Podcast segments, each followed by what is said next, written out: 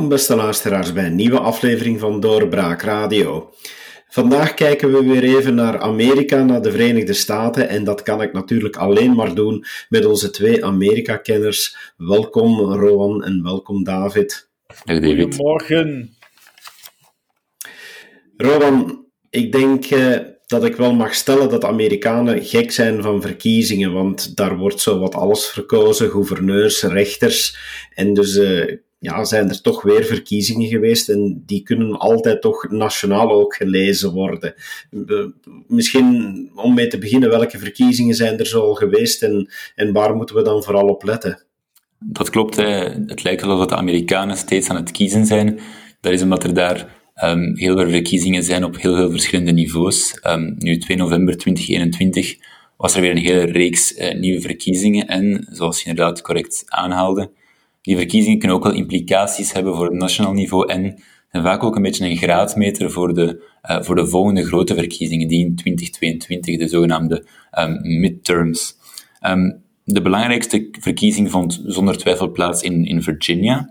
Um, Virginia koos een nieuwe gouverneur en ook een nieuw parlement. Dus met andere woorden, de, de statelijke uitvoerende en, en wetgevende macht. Virginia is zo'n staat met zo'n uh, zo'n 8,5 miljoen inwoners, een beetje te vergelijken met, met Zwitserland. Um, tot ook een staat van het oude zuiden, hè, een van die staten, een van die klassieke slavenstaten, uh, die rebelleerden tegen de Unie en die deel uitmaakten van de zogenaamde confederatie.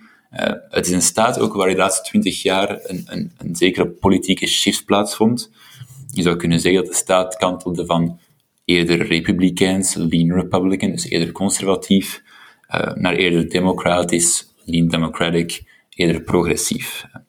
Er zijn meer geregistreerde democraten dan republikeinen in Virginia. Um, tijdens de laatste uh, vier presidentsverkiezingen won de democraat steeds, dus twee keer Barack Obama, dan Hillary Clinton, dan Joe Biden. En daarvoor hadden de republikeinen een winstreak van 40 jaar, dus sinds Nixon in 68 hadden de republikeinen daar steeds gewonnen. Uh, maar ook op het, op het lokalere niveau. Hè.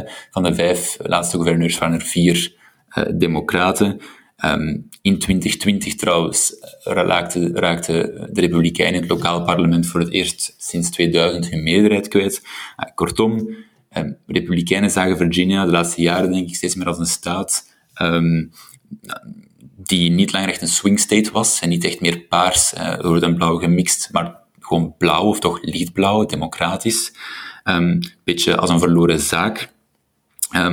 Een staat waar, waar de republikeinen beter niet te veel fondsen meer insteken, dat we dat beter zouden laten, laten gaan en, en focussen op andere staten die wel nog te winnen zijn.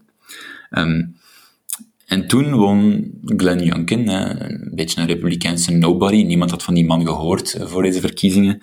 Um, en dat, dat verandert toch wel heel het momentum, dat verandert toch wel alles uh, in die staat. Hij versloeg ook een oud-gouverneur, dus, dus zeker geen, het was zeker niet dat hij een of andere democraat versloeg waar men nog nooit van had gehoord, of, of die zelf uh, on, onverkozen, ongetest was. Nee, hij, had al eens gewonnen, hij was een oud-gouverneur, hij had ervaring, hij was gekend, en toch, ja, het momentum was zo conservatief, zo republikeins, dat, dat Youngkin won. Uh, maar er waren nog andere verkiezingen. Het was, een, het was een democratisch bloedbad, kan je wel denken. Hè. Democratisch op politiek niveau en op het ideologisch niveau voor de progressieve beweging. Geen bijzonder fijne dag. Um, maar ik denk, David kan er misschien op inpikken um, wat er nog allemaal gebeurd is. Ja, ja David, dus, uh, wat, wat, wat zit er nog zo tussen? Wel, er zitten nog veel zaken uh, tussen. Hè. Misschien nog een kleine aanvulling op Virginia, wat uh, Rowan daarnet zei. Ja, dus, ze hebben ook de Republikeinen hebben een clean sweep gedaan. Hè. Dus ze hebben ook de minister van Justitie, een Hispanic, uh, verkozen. En ook de vice-gouverneur, de luitenant-gouverneur, uh, Winsome Sears, uh, een, een zwarte Afro-Amerikaanse vrouw. toch opmerkelijk dat de Republikeinen daar met het meest diverse, het meest diverse publiek aan, aan, aan de start gekomen zijn. Um, andere zeer opmerkelijk was New Jersey natuurlijk. Hè, dat was de andere gouverneursverkiezing. Heel opmerkelijk was dat de Republikein, die daar in principe geen kans maakte, die geen kans maakte, die in de polls 7,8% gemiddeld achterlag. 7,8%. En die man is tot op 1% gekomen. Dus dat is daar heel lang uh, stil geweest. In principe hadden we de avond zelf al moeten de bevestiging krijgen dat de Democraat zijn termijn kon verlengen. Dat was hier dus niet het geval. Uh, het is dan iets later geweest. Opmerkelijk ook, New Jersey is met 16% punt verschil naar Biden gegaan vorig jaar. Dan in Minnesota hadden we Defunding the Police. Hè, dus uh, Minnesota, de, stad van George Floyd. Daar waren een aantal democraten op het idee gekomen dat het toch een beter idee zou zijn om de politie af te schaffen en te vervangen door een soort van stadswacht met sociale werkers die als er een probleem was daar naartoe uh, zouden gaan. Dus zeer duidelijk weggestemd. Uh, en ook de mensen die dat steunen in het stadsbestuur van Minnesota zijn ook voor een groot deel weggestemd. Dan, en dan nog zeer opmerkelijk, we hebben het er al eens over gehad, over, er is in Texas is er iets interessants gaande. En er was een kleine huisdistrict in het, in het district van uh, Texas, in de buurt van San Antonio. San Antonio is in het zuiden van Texas. Heel Mexicaans-Amerikaans, als ik dat zo mag zeggen. En wat zien we daar? Daar heeft de Republikein gewonnen. Het is een Hispanic Republican. John Lujan noemt hij. En hij won met 2%. 2% punt verschil. Biden won daar, uh, dat hetzelfde district vorig jaar met 14% punt verschil. En wat is nu zo opmerkelijk? Dat is dat die Republikein twee zaken benadrukte in zijn campagne. Dat was één, we hebben een versterking van de grens nodig met Mexico om illegale tegen te houden. En daarnaast rond bread and butter issues. Dus uh, belastingen en dergelijke meer. Uh, opmerkelijk is dus de algemene afwijzing die we zien van het beleid van Biden. ik denk dat we dat na dinsdag toch wel kunnen besluiten. Ja, want dat lijkt toch wel een rode draad te zijn, dat je, dat hier kan in besluiten. De Republikeinen zijn niet naar de achtergrond verdwenen. Iedereen had dat zo van, ja, Biden wint en uh, hip hip hoera, de Democraten gaan vanaf nu uh, het, uh, het pad effenen. Maar dit geeft toch een ander signaal. Ja, dat klopt. Hè. Um, nu, om eerlijk te zijn, er is wel traditioneel een swing tegen de partij van de zittende president. Dat is iets wat we steeds zien. Um, maar de swing is wel bijzonder groot. Hè. Dat kan niet gewoon gezien worden als een, als een ja, laten we zeggen, het pendulum dat terug wat naar het centrum komt of zoiets. Um, nee, het is wel degelijk een duidelijke afwijzing van enerzijds het, het beleid van Biden en van lokale democratische politici die toch wel steeds meer de, ja, de ultra-progressieve weg bewandelen. Um, maar laten we ook, het is niet enkel een negatieve keuze, denk ik, het is ook een positieve keuze. De Republikeinen hebben zeer sterke kandidaten afgeleverd uh, deze um, verkiezingsronde. Om even op Virginia te focussen, hè, want uiteindelijk dat was toch wel, uh, het is zowel politiek, economisch um, de belangrijkste staat en de belangrijkste verkiezing die plaatsvond, um, maar ook symbolisch zeer belangrijk. Virginia is een staat die Republikeinen graag als een swing state zouden zien, met de woorden dat zij op het presidentieel niveau bijvoorbeeld een kans zouden maken om dat toch niet gering aantal kiesmannen binnen te halen. En daarvoor moet je de juiste kandidaat afvaardigen. En Glenn Youngkin, dat was een sterke kandidaat. Die man heeft een zeer secure campagne gevoerd. Ja, iedereen die in België zegt, ik volg de Amerikaanse politiek een beetje, die, die kent deze vraag wel. Eh, en op wie zou jij stemmen? Ja, als het dan gaat over de presidentsverkiezing, en, dan is het, en David zal het misschien wel weten, dan is het doorgaans not done om daar een republikein op te antwoorden. Want republikeinen, dat zijn toch die conservatieve zotten uit Amerika. Nu, um, ik, ik denk trouwens, in Vlaanderen hebben ze dat gedaan. Hè. Ze hebben aan alle partijvoorzitters gevraagd tijdens de voorverkiezingen van 2016 en op wie zou jullie stemmen? En ik denk dat er enkel Tom van Grieken van Vlaams Belang en Bart de Wever uh, van de N-VA Republikeinen hadden geantwoord. Van Grieken had natuurlijk Donald Trump geantwoord. En de Wever was Marco Rubio geantwoord. Trouwens bizar, want eigenlijk is het perfect mogelijk dat CD&V en Open VLD'ers ook een Republikein uh, zouden antwoorden.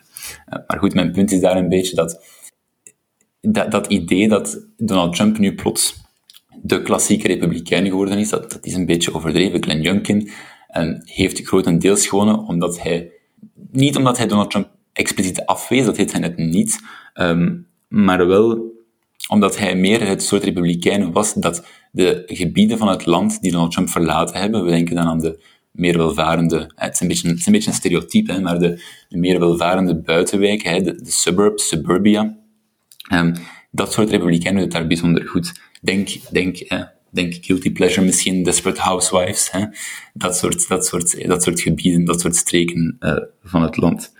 Het soort kiezers uh, die sociaal en economisch best conservatief zijn, ook, ook in hun persoonlijk gedrag. Um, maar die republikeinen zoals Donald Trump um, niet bijzonder genegen zijn. Dat, dat boertig, cru gedrag wordt dan niet echt geapprecieerd. Ook alles wat te maken heeft met samenzweringstheorieën, um, geknipoog naar extreemrechtse groeperingen. Dat soort zaken speelt daar niet. Maar het typisch republikeins beleid, hè, kleinere overheid, uh, propere veilige straten, lage belastingen, uh, promotie van traditionele gezinsvormen, uh, een klassieke opleiding, high school, primary school, met een focus op kennis en niet een bepaalde ideologische indoctrinatie, dat speelt daar wel bijzonder goed. En Youngkin heeft, zo'n beetje als die Loyan uh, in, in Texas, zeer sterk gefocust op zaken die zeer nabij zijn bij de mensen. En dat werkt goed. McAuliffe daarentegen, de democratische kandidaat, die probeerde constant Glenn Youngkin, en je moet de man maar eens opzoeken, hè, dan zal je zien hoe belachelijk het is, heel tijd te associëren met Donald Trump. Hè. Youngkin was een mini-Trump, Youngkin, was uh, beholden to the extreme right, al dat soort zever. Nee, is, Youngkin was een zakenman en de meest milk toast, zoals men wel eens zegt in Amerika, human being, die uh, niet uitdrukkelijk tegen Donald Trump ging zijn, maar ook zeker niet de campagne absoluut niet rond, rond loyaliteit uh, aan de president maakte. Dat was zeer succesvol en dat is denk ik wel een succesformule naar de toekomst over de Republikeinen. Wil dat nu eigenlijk zeggen dat de Republikeinse partij beseft dat er een tijdperk na Trump moet ingeluid worden? Uh, dat denk ik dus niet. Hè. Ik denk als je kijkt naar de boodschap van, van Jonken, laat ons laten we even goed kijken waar Jonkin voornamelijk campagne op gevoerd heeft. Hè. Jonkin heeft voornamelijk campagne gevoerd op critical race theory in scholen.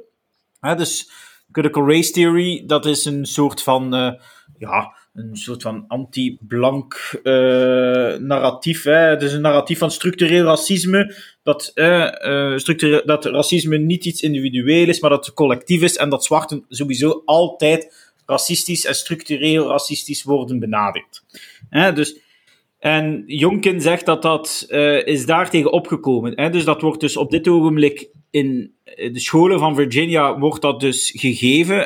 En voor de mensen die zeggen, hè, want dan is het Bjorn Soenes op televisie, die zegt, nee, het is niet waar dat het uh, in Virginia speelt. Het speelt dus wel. Hè? Dus ik heb hier de quote, ik kan u quoten van het Virginia Department of Education, van de website. Hè? Dus Teachers must embrace theories that such as critical race theory, settler colonialism, black feminism, disability, critical race studies and other critical theories. Dus met andere woorden, dat is dus gewoon marxisme, maar dan op gebaseerd op ras. dus, en McCall, en dus het is zo dat Jonkin is in die campagne zeer hard daartegen ingegaan. En wat zien we? Dat een McAuliffe, die in principe een gematigde democraat is, die ook van 2013 tot 2017 al gouverneur is geweest, dat die man in plaats van bread and butter issues op tafel te gooien, want dat is op dit ogenblik waar de, waar de Amerikanen van wakker liggen, zijn de, mijn benzineprijs is zeer hoog, mijn, de inflatie is zeer hoog. Met daar bezig zijn? Nee, het tegenovergestelde. En wat zien we? Die McAuliffe heeft daar uitspraken gedaan waarin dat hij zegt van uh, ouders moeten niet zeggen uh, tegen de school uh, wat ze moeten, welke lessen ze moeten geven. dan ging McAuliffe ook nog campagne voeren met de voorzitter van de onderwijsvakbond. Dat zijn niet de meest populaire mensen. Hè?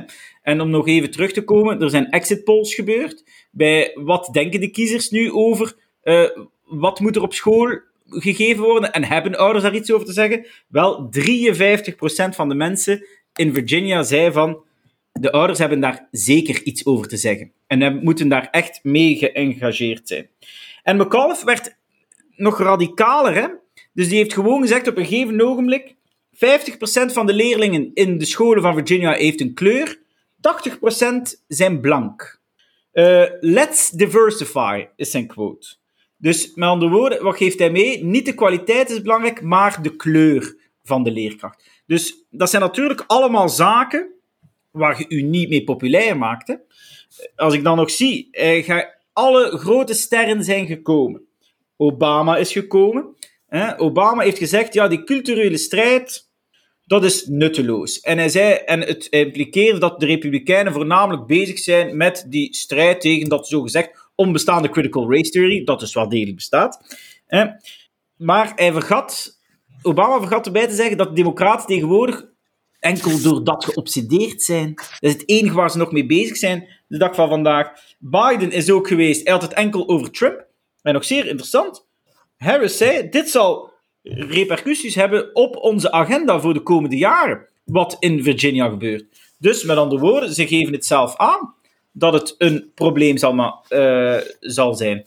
Um, ik wil nog één ding, nog één ding toevoegen over Virginia. Het is niet zo, het is niet zo dat de Democraten ze hebben verloren, dat klopt. Maar het is niet zo dat ze zo zwaar verloren hebben als in 2010. In 2010 hebben ze zwaar verloren.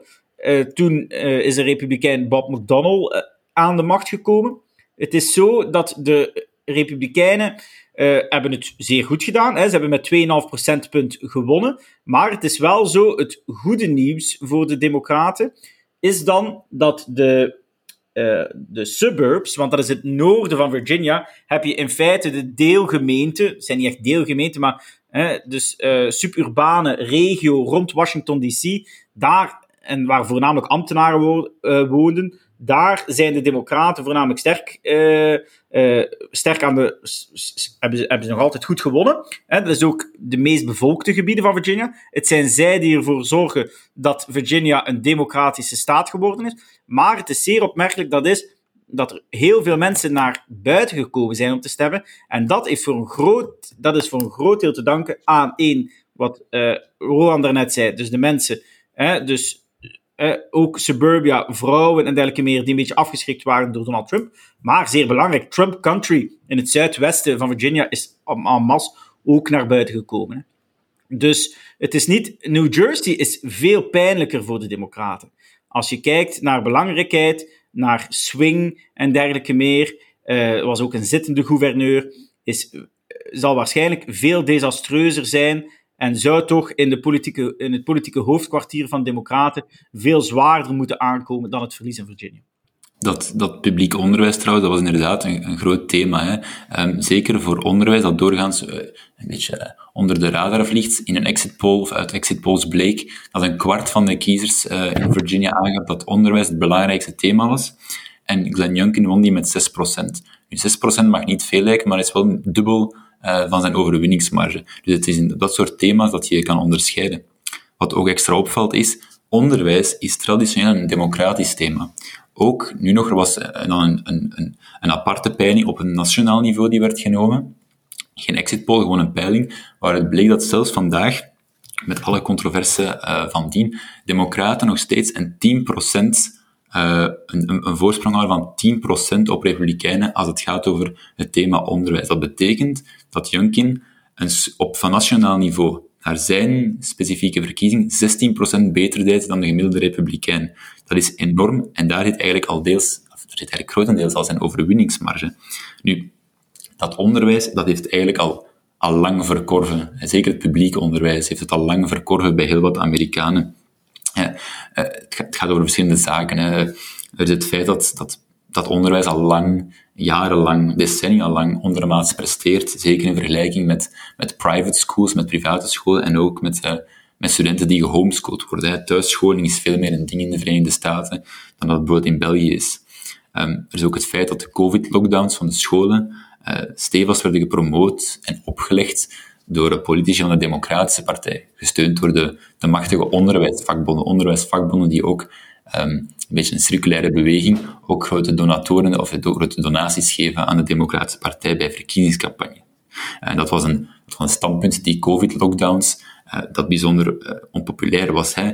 Republikeinen hebben denk ik steeds uh, het meer populaire standpunt vertolkt, namelijk dat kinderen ja, dat kinderen niet geslachtofferd moeten worden voor hun ouders, dat zij amper risico lopen en dat dat een vaartbaar risico is uh, dat ze, en dat ze vooral een, normaal leven moeten kunnen leiden. Ik denk dat dat veel weerklank vond bij heel wat, heel wat ouders. Er is ook het gevoel, en dat, dat zei David trouwens wel kort, dat het curriculum, uh, zowel officieus als officieus, uh, wat is doorgeslagen naar de, naar de ultra-progressieve kant. Er is de hele kwestie van, van, van critical race theory, en ik, ik ga daar zo meteen even op terugkomen. Dat is belangrijk dat dat, goed wordt uitgelegd. David deed dat al goed, maar ik ga er nog even op terugkomen.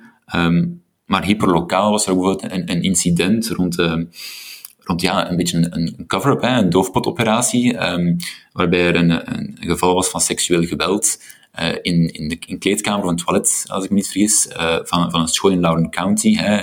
Loudoun County is een beetje de hotspot geworden voor protest uh, tegen schoolbesturen tegenwoordig. Die schoolboard wordt daar trouwens rechtstreeks verkozen. Um, en dat ging dan om een jonge man die tot twee maal toe, blijkbaar, uh, een, een, een, een leerlingen had aangerand.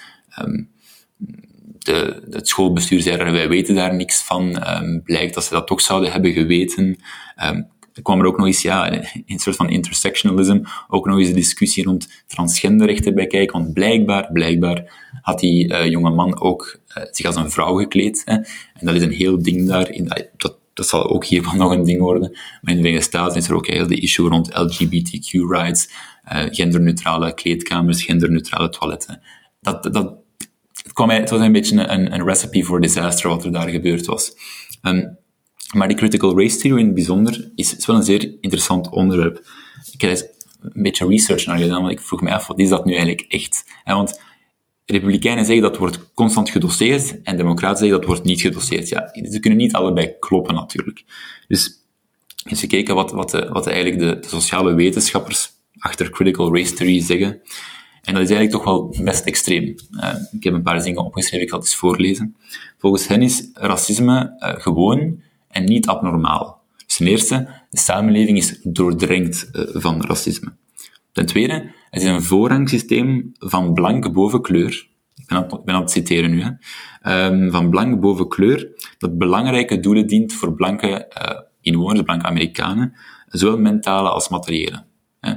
Um, dat betekent bijvoorbeeld dat ook dat, dat, dat wettelijke gelijkheid op basis van kleurenblindheid, hè, waar we toch zo lang naar hebben gestreefd, de wet discrimineert niet, de wet is neutraal en past, wordt dan toegepast op alle burgers, dat onmogelijk juist is of onmogelijk uh, correct is, omdat het wel eens zou kunnen leiden tot, tot verschillen, uh, of verschillen in uitkomst tussen bepaalde bevolkingsgroepen, raciale bevolkingsgroepen.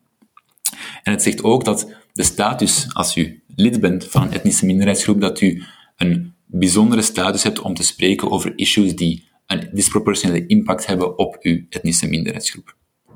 Wat betekent dat in de praktijk allemaal? Dat betekent bijvoorbeeld dat raciaal groepsdenken hè, opnieuw meer en meer getolereerd wordt. Uh, dat beleid opnieuw meer en meer geënt wordt op, op karakteristieken van, van huidskleur en afkomst. Ja, natuurlijk, want als beleid X, hoewel neutraal de regel van de wet ervoor zorgt dat bijvoorbeeld zwarte Amerikanen um, of dat zwarte Amerikanen het onder dat soort beleid minder goed doen, ongeacht persoonlijke keuzes en verantwoordelijkheden, dan moet dat wel racistisch zijn. Dat is een van de gevolgen daarvan. Um, we zagen bijvoorbeeld tijdens de uitrol van het vaccin hè, dat het CDC, het Center for Disease Control and Prevention, grofweg toegaf uh, dat het van mening was dat ras en afkomst een bepaalde rol moest spelen bij de uitrol van de vaccins. Niet louter onderliggende aandoeningen en leeftijd, hè, wat natuurlijk uh, werkelijk uh, het risico bepaalt dat iemand heeft um, voor COVID. Um, in scholen dan, hè, want we hadden het over onderwijs, in scholen betekent bijvoorbeeld dat Amerikaanse geschiedenis meer en meer wordt onderwezen vanuit, vanuit een perspectief dat, dat de wordingsgeschiedenis van de VS er vooral één is van onderdrukking en, en wordt niet van vooruitgang, wat traditioneel steeds meer de, of steeds de, de klassieke insteek was bij de Amerikaanse geschiedenis. En vooral, en dit is het belangrijkste misschien, dat vandaag de dag, dus niet eh, in 1860 tijdens de burgeroorlog, niet in 1960 tijdens de Jim Crow-wetten, de discriminerende wetgeving in het zuiden, maar vandaag de dag de instituten van de Amerikaanse samenleving en overheid, het presidentieel systeem, de Senaat, de rechtbanken, politiediensten, het onderwijs, allemaal doorschoten en doordrongen zijn van anti-zwart racisme en pro-blanke discriminatie. Neem dat allemaal samen en dan kan je wel begrijpen waarom dat heel wat ouders die hun kinderen naar school sturen en waar dat meer en meer de ondertoon wordt van heel wat meer dat soft vakken, hè, sociaal-wetenschappelijke vakken, geschiedenis, um, godsdienstonderwijs, um, dat die eens gaan kijken en zeggen van, oh, dat is wel bijzonder vreemd. Je kan je misschien afvragen, misschien als slotbemerking, waarom nu? Waarom is dat nu plots het geval? Want dat wordt toch al door conservatieve activisten dat al jaren het geval is. Ja, er was natuurlijk een, een een perfecte samenloop van omstandigheden daarin, want door COVID zijn veel meer ouders gaan, en door het afstandsonderwijs, zijn veel meer ouders gaan zien wat hun leerlingen, wat hun kinderen net, net gedoseerd werd. Dat er heel wat mensen zijn die verschoten zijn. Neem al die dingen samen en je begrijpt plots waarom kwart van de Virginians eh, onderwijs plots als een zeer, zeer, zeer belangrijk thema zagen. In welke mate gaan die lokale thema's nu een invloed hebben naar de nationale politiek? Of die uitslagen misschien? Gaat dat wegen op de nationale politiek? Wel, ik heb net al gezegd wat eh, Kamala Harris al voorspeld had. En dat klopt ook wel voor een deel. Nu is het wel zo dat. Uh, dus Joe Manchin zei dat de boodschap. Joe Manchin is de senator uit West Virginia. Dus dat is de gematigde senator.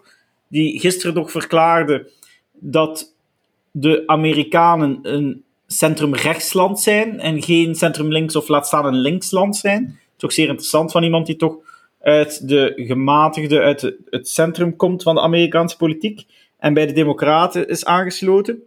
Die zegt dat heel veel kiezers bezorgd zijn over het uitgaven- en belastingspakket. Dat zal zorgen voor meer inflatie en belastingsverhogingen, terwijl dat de Democraten in feite toch beloofd hadden om belastingen voor mensen die minder dan 400.000 dollar per jaar verdienden niet te verhogen. Um, we merken dat de Republikeinen vertrouwen tanken. Uh, Huis en Senaat terug in 2022. Hè, dus men was zeker voor, voor het huis dat dat republikeins ging worden. Allee, zeker is altijd natuurlijk een groot woord, maar de kans was zeer groot. Ook vanwille het, omwille van het feit dat men verkiezingsdistricten gaat hertekenen. Maar de Democraten dachten het, de Senaat te kunnen houden. Nu zien we dat dat moeilijker wordt. Er zijn drie zetels die op dit ogenblik in handen waren, uh, of die werden ge, uh, gepeild om democratisch te zijn, die nu naar een toss-up, dus naar een coinflip uh, gegaan zijn. Dus we zullen dan nog allemaal moeten zien hoe dat uiteindelijk afloopt. Hè, dus eind volgend jaar. Dus november, we zijn, hè, dus dat is binnen een jaar dat we daar nu over spreken. Hè noteer alvast in uw agenda, zou ik zeggen. En we zien dat dus bij de Democraten dat er heel veel ruzie is op dit ogenblik. je hebt de linkerzijde, bijvoorbeeld, uh, dus die dan als symbool, dus uh, mevrouw Ocasio-Cortez heeft.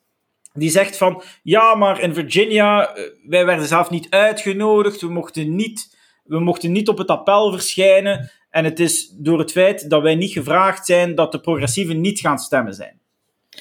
Terwijl dat net de andere kant, hè, er was, op CNN was er een democratische strategist, James Carville, uh, gepokt en gemadeld als ik me niet vergis, uh, en gemazeld, als ik me niet vergis, in de Clinton-administratie. Die zei van, het moet eindelijk nu eens gedaan zijn bij de democraten, bij ons democraten, met al dat uh, extreme wokeism. En die zei dat er moet ge, ehm, dat er moet geontwookt worden in de Democratische Partij en dergelijke meer. Dus die man was echt zeer kwaad over wat er op dit ogenblik gaande is in de Democratische Partij. Dus je merkt dat die richtingenstrijd bij de Democraten dat die volop bezig is. Zijnde moeten we nog meer naar links. Ik zeg altijd, als men denkt dat men nog meer naar links wil of moet, dan moet men kijken naar wat er in de jaren tachtig gebeurd is met de Democratische Partij. Die kwam gewoon niet aan de bak omdat hij zo links was. Zeker niet in presidentiële verkiezingen. Het is maar op het moment dat Bill Clinton dat begrepen had, dat je best met een gematigd eh, verhaal komt dat je verkiezingen kan winnen. Hij heeft dat dan zijn eerste twee jaar als president, heeft hij dan, is hij dan nog over links gegaan en dan is hij, is, is hij zo zwaar verloren dat hij dan op een gegeven moment toch naar rechts gegaan is. Zeer belangrijk nog, is wat ik straks ga vertellen. Want ik ga eerst Rowan nog iets zeggen, want ik wil straks nog iets zeggen over de heer Joe Biden. Bedankt, David. Uh, nee, inderdaad, ik wil daar iets kort aan, kort aan toevoegen. Dat is een typische reactie trouwens, die... Ik denk, beide partijen zijn daar misschien een beetje schuldig aan, maar ik denk zeker de democraten vanuit een soort van ja, moreel superioriteitsgevoel. Als de democraten winnen, is het omdat de mensen het begrepen hebben en als de democraten niet winnen, is het omdat de mensen het niet begrepen hebben. Het kan niet zijn dat de mensen gewoon het begrepen hebben wat zij aan het doen zijn of wat zij willen doen, uh, en het daar niet mee eens waren. Dat is nooit echt een optie. Barack Obama was daar trouwens kampioen in uh, tijdens zijn presidentschap, in aanloop naar zijn herverkiezingscampagne en daarna ook.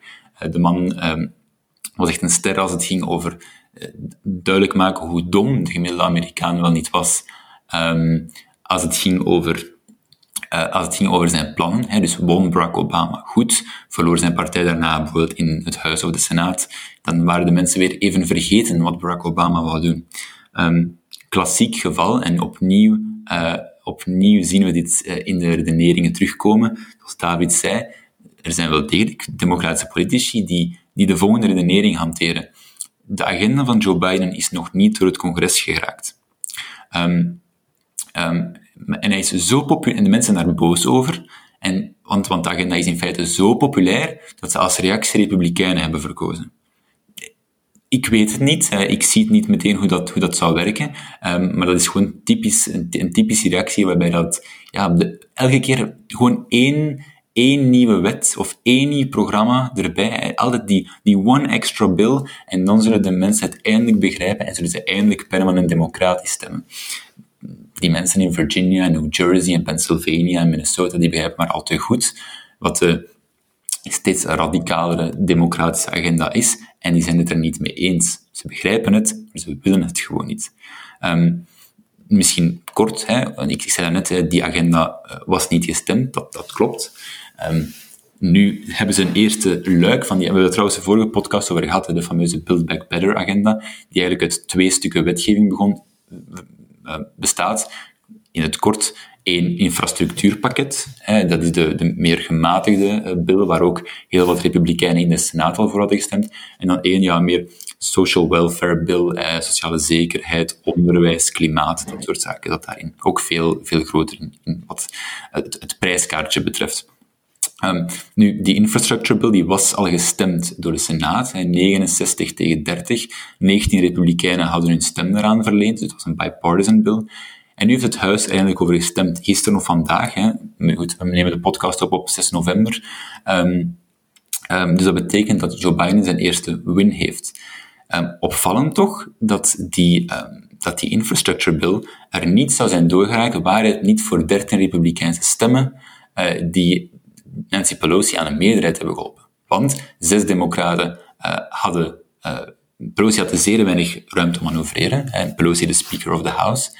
Um, zij kon maar twee of drie democraten verliezen om haar meerderheid te behouden. Het zijn uiteindelijk zes geworden. Maar dertien republikeinen hebben haar gered. Ja, die, die mensen, uh, die vertegenwoordigers, hebben nu echt wel een, een, een bullseye, een target op hun rug uh, van, van een meter in diameter of zoiets. er is al een artikel gepubliceerd in National Review, toch een, toch invloedrijk centrumrechtsblad, dat, dat duidelijk maakte van, de titel was, of de ondertitel was zeer zeer gemakkelijk om te begrijpen um, dat, um, dat het schandalig is en dat iedere republikein die nog niet op pensioen gaat vanzelf um, opgedwongen pensioen gestuurd moet worden uh, door de kiezers in de voorverkiezingen, dus tijdens de primaries, die geprimaried moet worden. Dus ja, Biden heeft nu zijn, zijn fameuze infrastructure bill. Um, en um, de Republikeinse partij, na een overwinning in Virginia en dergelijke, um, zal meteen mogen afrekenen, denk ik, uh, met de fallout daarvan. En welke rol speelt Trump momenteel nog in de Republikeinse Partij? Want als er dan toch, en nu, nu daar een revival bezig is, is dat iets waar hij bij betrokken is of dat hij in de hand heeft? Wel, het is dus zo dat in Virginia specifiek eh, heeft Trump geen immens grote rol gespeeld, maar hij heeft wel zijn uiterste best gedaan om zijn kiezers naar de stembus uh, te, te lokken. En bijvoorbeeld Jonken heeft hem een beetje op afstand gehouden, maar heeft wel 200 dagen de uh, endorsement van Trump gehad. En Trump heeft ook, en zoals je net zei, heeft zijn best gedaan om, um, om ervoor te zorgen dat zijn kiezers naar de stembus gaan. Maar er was een zeer opmerkelijke peiling deze week, die ik toch even wil meegeven. En het gaat over Joe Biden. We weten dus dat Joe Biden zijn approval zeer laag is. Dus op dit ogenblik 7,6 negatief, dus min 7,6 negatief. Maar er was een poll deze week en die zei dat, en ik ga daar net, en dan kom ik direct bij Trump terecht hoor, want het is zowel, er is zowel gepold bij Democraten als bij Republikeinen. Als het, dus Democraten op dit ogenblik het Witte Huis hebben, 36% van de Democraten in deze peiling hè, zegt dat Biden de grootste kans heeft om het Witte Huis te heroveren in 2024. 36% Ik moet zeggen, amper 36 44 44% is dus 8% meer, zegt iemand anders. En 20% weet het niet. Dat is dus ongezien voor een zittende president die nog maar een jaar geleden verkozen is. Hè? Een jaar geleden die man verkozen. Amper 36% van de kiezers zegt: met die man maken we het meest kans om in 2024 opnieuw het Witte Huis te veroveren. 44% zegt dat er iemand anders moet komen. Dat is dus gigantisch bij, dus, bij de Democraten. Als we dan kijken bij de Republikeinen. Bij de Republikeinen zegt vandaag 50%, de helft, dat Trump, of met Trump als kandidaat, ze de grootste kans hebben om het Witte Huis te heroveren in 2024. Ik vond het zeer opmerkelijk. Dus daar is dus de helft zeker. En 35% zegt iemand anders. U mag zeker zijn dat er binnen die 35% dat daar welke mensen zitten daarin. Dat is gouverneur DeSantis van Florida, bijvoorbeeld. Die zal een uh, zeer grote kans maken uh, in, in, in uh, die, die hierin zit. Dus met andere woorden, dat zijn Trump-klonen. En klonen is misschien een beetje oneerbiedig, maar toch, ik bedoel, mensen die de Trump-agenda 100% steunen. En dan hebben we 14% van de mensen die het niet weten, dus die daaraan twijfelt. Dus met andere woorden, wat zien we? Dat er zeer verontrustend nieuws is voor de Democraten in de zin van hun achterban weet zelf niet of ze met deze man die vandaag in het Witte Huis zit door, door moeten gaan. En bij de Republikeinen is dat natuurlijk zeer goed nieuws voor Trump. Want Trump zegt, nu denkt al zeker 50% van de mensen, met alles wat er het afgelopen jaar gebeurd is, hè, 50% van de Republikeinen, van de Republikeinse kiezers zegt, met die Trump hebben wij het meest kans om het Witte Huis te heroveren. Dus met andere woorden, Trump, zijn steun is in de partij voor, hij zal mensen, eh, zoals ik vorige keer gezegd heb, hun carrière gaan maken en gaan kraken de komende, de komende maanden, hè, de kom, het komende jaar. En dan zullen we zien wanneer hij uh, aankondigt dat hij opnieuw kandidaat zal zijn voor het presidentschap in 2024. Ik denk dat de kans zeer groot is. En nog wat betreft dat onderzoek tegen hem, het, uh, het Rusland-onderzoek. Uh, het Rusland-onderzoek, uh, het Rusland-onderzoek, dat is, daar is gisteren een aanklacht geweest. eergisteren, excuseer, van Durham. Dus Durham is, dus, dat is de onafhankelijke aanklager. Is, is aanklager in Connecticut. Connecticut. Connecticut. En dus hij is special counsel. Dus een beetje de rol die Mueller ook had ten opzichte van Trump. dus ehm, Durham heeft een aanklacht geformuleerd tegen Igor Donchenko. dus Igor Donchenko was de primaire bron voor het Steele-dossier. Het Steele-dossier, dat is de basis voor het Trump-Rusland-onderzoek. Dus dat is het onderzoek naar die zogenaamde collusie tussen de Trump-campagne en Rusland. Ehm, en dat is het dossier dat de FBI heeft gebruikt om via geheime rechtbanken mensen af te luisteren. Mensen onder andere binnen de Trump-campagne. Donchenko werkte voor het Brookings Institute. Brookings Institute is een democratische denktank. En hij werkte daar samen met Fiona Hill. De mensen die de impeachment gevolgd hebben, de eerste impeachment, die weten dat die naam Fiona Hill, dat is een van de getuigen die de Democraten hebben opgeroepen van mensen die in het Witte Huis werkten.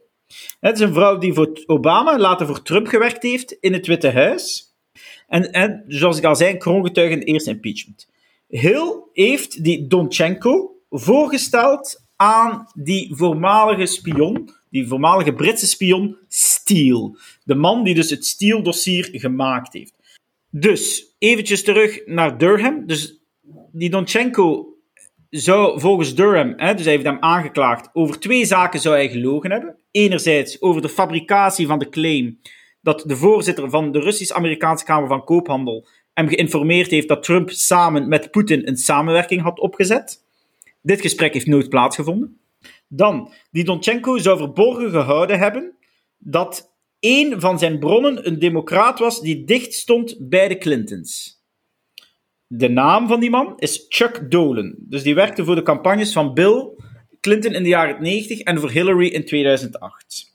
De FBI had Donchenko geïnterviewd, maar uh, dus we hebben hem geïnterviewd in januari 2017. Maar in, tweede, in oktober 2016, dus het ministerie van Justitie onder Obama nog, uh, want uh, is die FBI al naar een geheime rechtbank gestapt. Dus het lijkt erop dat Durham het Trump-Rusland-sprookje ziet als een politieke aanval vanuit de Clinton-campagne. Steele maakte het dossier, leunend op Donchenko als bron, en gaf dat aan Glenn, Simpson. Glenn Simpson is de man van Fusion GPS. Dat is de, de oppositie-research firm die voor Perkins Coy werkte. En Perkins Coy is het advocatenkantoor van de Clinton-campagne. Dit is, het, dit is de tweede aanklacht. In september hebben we reeds ook een andere aanklacht gegaan. Uh, dus daar, toen heeft Durham, advocaat van Perkins Coy, Michael Sussman aangeklaagd voor het afleggen van valse verklaringen aan de FBI over Trump en Rusland. Dus Durham klaagt deze man aan omdat hij verborg dat hij werkte voor de Clinton-campagne en een job in de regering Clinton wilde hebben. Het onderzoek van Durham lijkt te bevestigen wat ik altijd gezegd heb. Ik heb daar heel uitgebreid over geschreven, periode 2017-2018. Allemaal te vinden op doorbraak. Durham lijkt te bevestigen wat ik altijd gezegd heb. Dat het allemaal onzin was en dat het gespin was vanuit de Clinton-campagne om Trump te beschadigen. Uiteindelijk heeft Dalolleke, de belastingsbetaler, 40 miljoen dollar gekocht. Um, veel mensen ondertussen zijn nodeloos aangeklaagd, in de gevangenis verdwenen of op een andere manier een leven verwoest. Ook zeker financieel, advocatenkosten en dergelijke meer. En het heeft bij Trump een schaduw anderhalf jaar gedurende zijn presidentschap heeft dat een enorme schaduw geworpen. En ik zal zelf mee zeggen, het was altijd een beetje een smet in de zin van, ja, Trump heeft die verkiezing niet eerlijk gewonnen, want hij heeft dat gewonnen met hulp van de Russen. Dus dat is toch alvast wat de media ons jaren aan een stuk verteld hebben. Het enige wat ik mij afvraag is, hoe komt het nu dat we daar nog altijd geen één excuses hebben gekregen van media? En hoe komt het dat dit, deze laatste aanklacht ook niet vermeld is geweest op het, zeg maar iets, VRT-journaal, VTM Nieuws? Die mensen waren er allemaal zeer gretig bij om andere zaken uh, in het breed uit te smeren, maar nu het nieuws komt dat alles wat zij toen gezegd hebben, één, complete onzin was en compleet gestuurd werd vanuit de Democratische Partij, dat daar allemaal niks meer van te lezen of te zien is. Ik, denk dat we dat uh, dan best kunnen opnemen bij de vergeten vragen. Um, dat, is, uh, dat is inderdaad een goede vraag. Ik denk dat we ook kunnen zeggen dat we uh, gelukkig jullie twee hebben om het wel allemaal in de gaten te houden en het naar voren te brengen. Dankjewel Rowan Asselman en David Nijskes voor jullie deskundige inbreng deze keer. En hopelijk tot binnenkort. En u ook, beste luisteraar, dankjewel dat u geluisterd hebt. En heel graag tot een volgende keer. Dag. Dit was een episode van Doorbraak Radio, de podcast van doorbraak.be. Volg onze podcast op doorbraak.be/slash radio of via Apple Podcasts, Overcast of Spotify. Bezoek ook onze website op doorbraak.be en steun ons door een vriend te worden van Doorbraak.